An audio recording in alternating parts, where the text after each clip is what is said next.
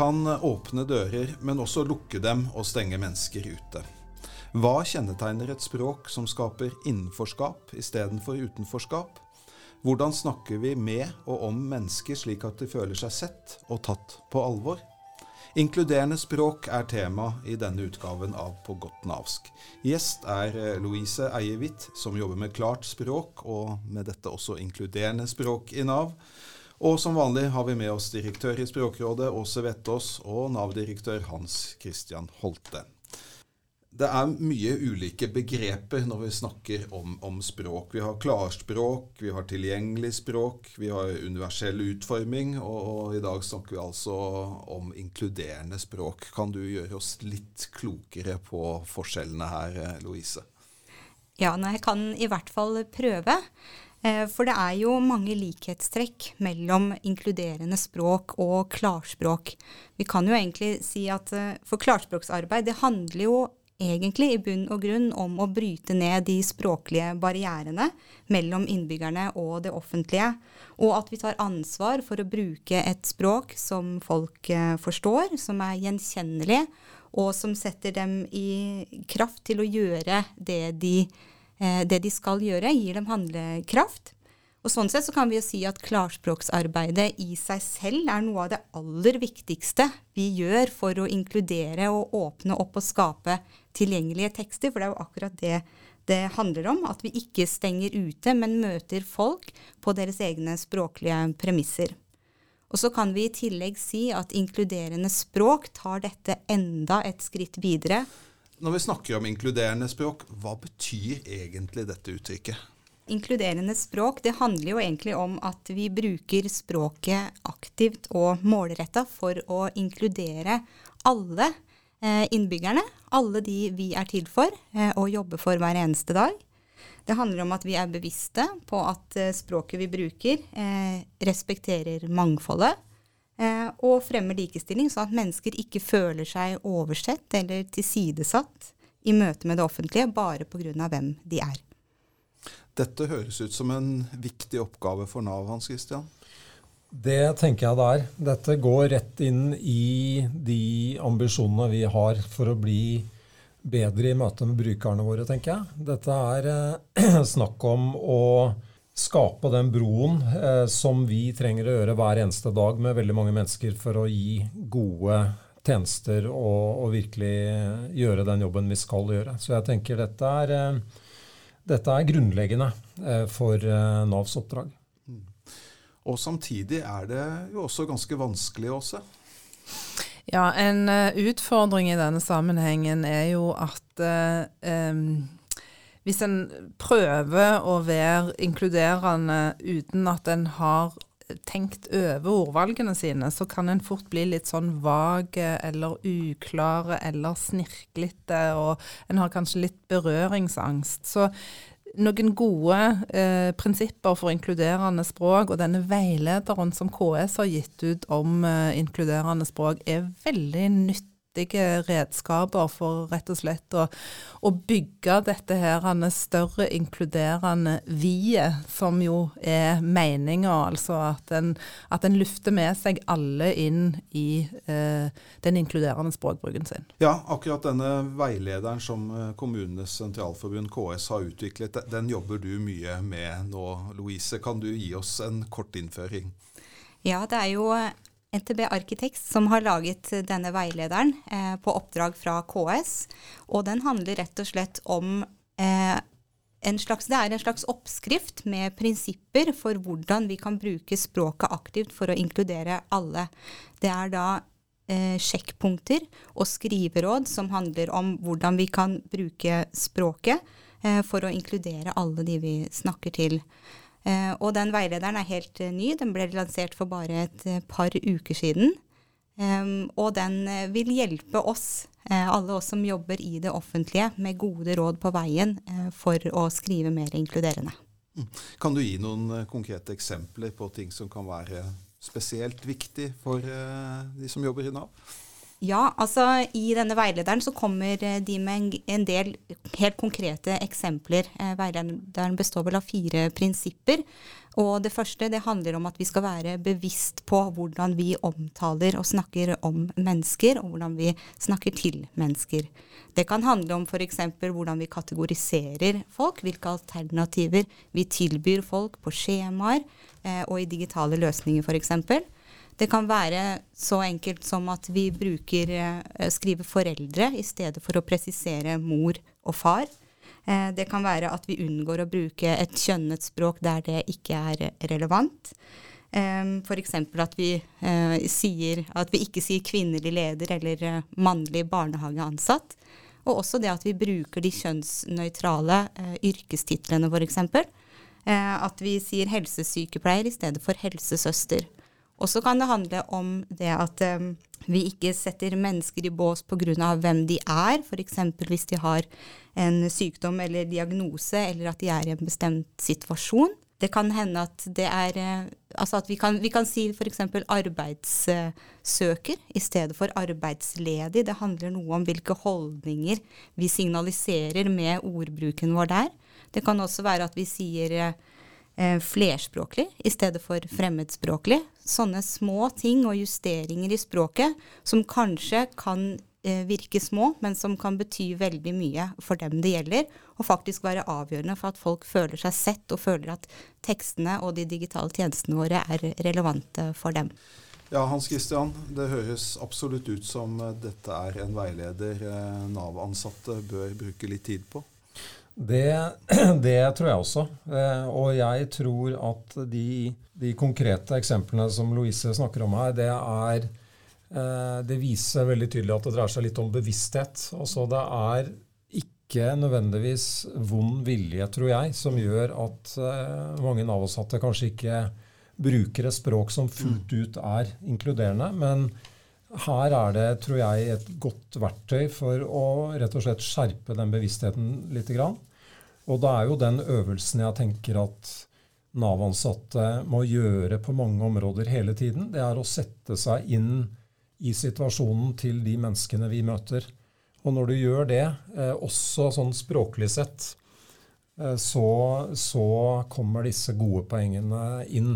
Eh, at vi da kan tenke gjennom hva er det vi bruker av begreper som kan være fremmedgjørende, som kan skape en avstand, som kan skape et skille eh, som ikke nødvendigvis bør å være der. Ja, og her, eh, som du sier, er det vel ofte ubevissthet mer enn dårlige holdninger som, som kan spille inn, Åse. Et godt eksempel på et felt der kunnskap om klart språk er viktig?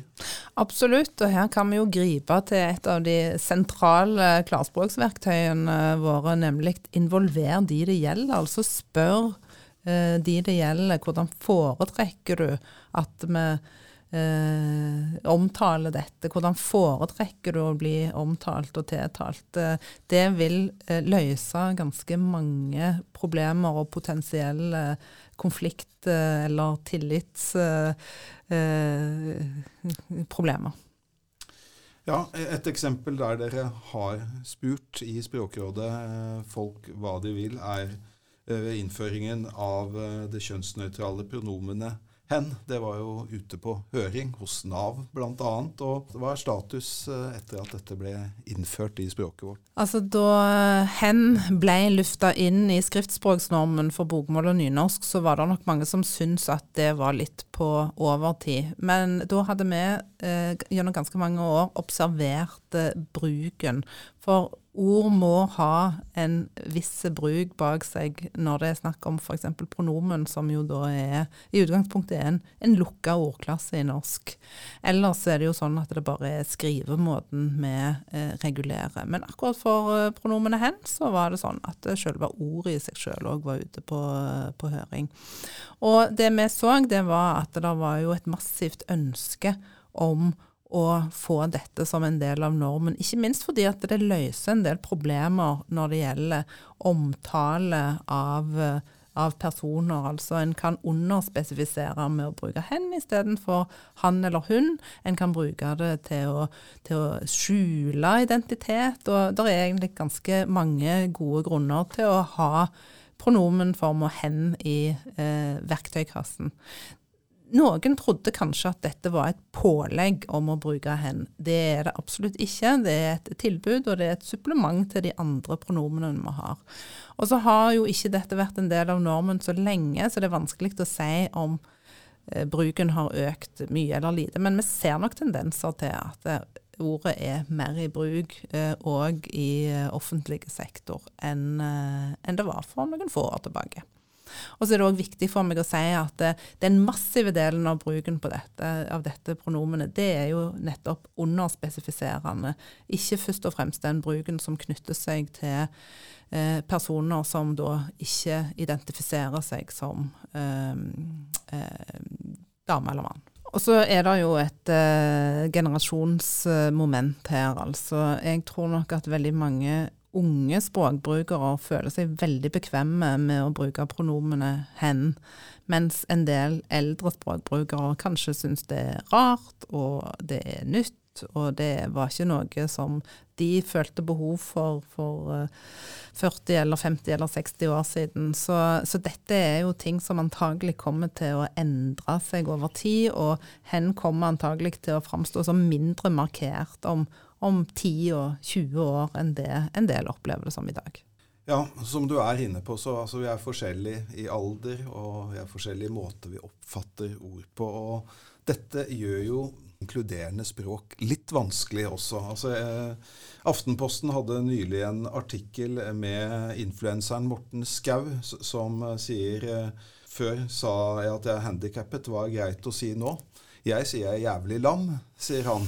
Det er nok neppe den offisielle delen av inkluderende språk, men det viser også at vi er veldig ulike, og at, at det ikke er så lett å alltid velge de rette ordene. Ja, og så har vi kanskje en tendens til å fokusere for mye på den rullestolen i mange sammenhenger. Altså det er jo veldig mange av livets områder der den rullestolen kanskje ikke er relevante i det hele tatt. Så det å få lov å være noe mer og noe annet enn rullestolen sin, det er jo viktig eh, for, eh, for, de fleste. Noen ganger så er det relevant å snakke om, om funksjonsproblemer. Og da må vi ha ord for det, men veldig ofte så tror jeg at vi lager den typen problemer som egentlig ikke trenger være der, med å fokusere altfor mye på, ja, på eller funksjons, et eller annet funksjonsproblem, eller eh, hvordan folk ser ut. Mm. Dette er kanskje et eh, problem som eh, kan være enda større i Nav enn mange andre steder, akkurat fordi folk trenger ytelser fra Nav pga. ulike problemer de har. Blir det sånn at vi lar problemene styre språkbruken vår for lett, tror du, Hans Christian? Godt uh, spurt, uh, Asle. Eh, vanskelig å svare på, kanskje. Eh, jeg tror jo at eh, vi generelt har mye Vi har mange muligheter når det gjelder bruken av språket vårt.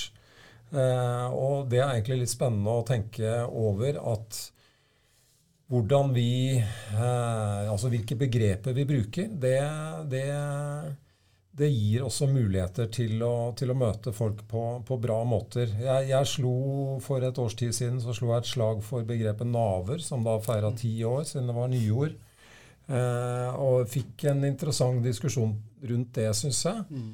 Eh, det er litt det, det, dette dreier seg om, tenker jeg, at folk skal få lov til å være noe mer eh, enn bare det å få en ytelse fra Nav, f.eks. Eh, vi har hatt en diskusjon i, i denne podkasten her som dreier seg om brukerbegrepet. Som også er litt sånn Men vi, vi, vi trenger å, å, ha det der. Vi trenger å bruke det i en del sammenhenger. Men det er noe må verken være sånn Identiteten er ikke at du er en bruker. Identiteten er ikke at du er en naver. Eh, men det er noe med å, å forsøke å sånn, finne de, de, gode begrepene da, i ulike sammenhenger.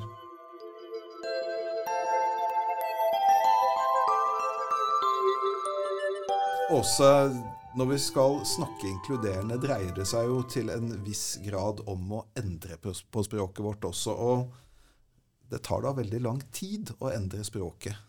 Nei, det gjør det egentlig ikke hvis vi bare bestemmer oss for det. Nå er det ikke lenge siden vi har fått helt nye stillingstitler i staten. Altså det heter statsforvalter, og det heter sysselmester.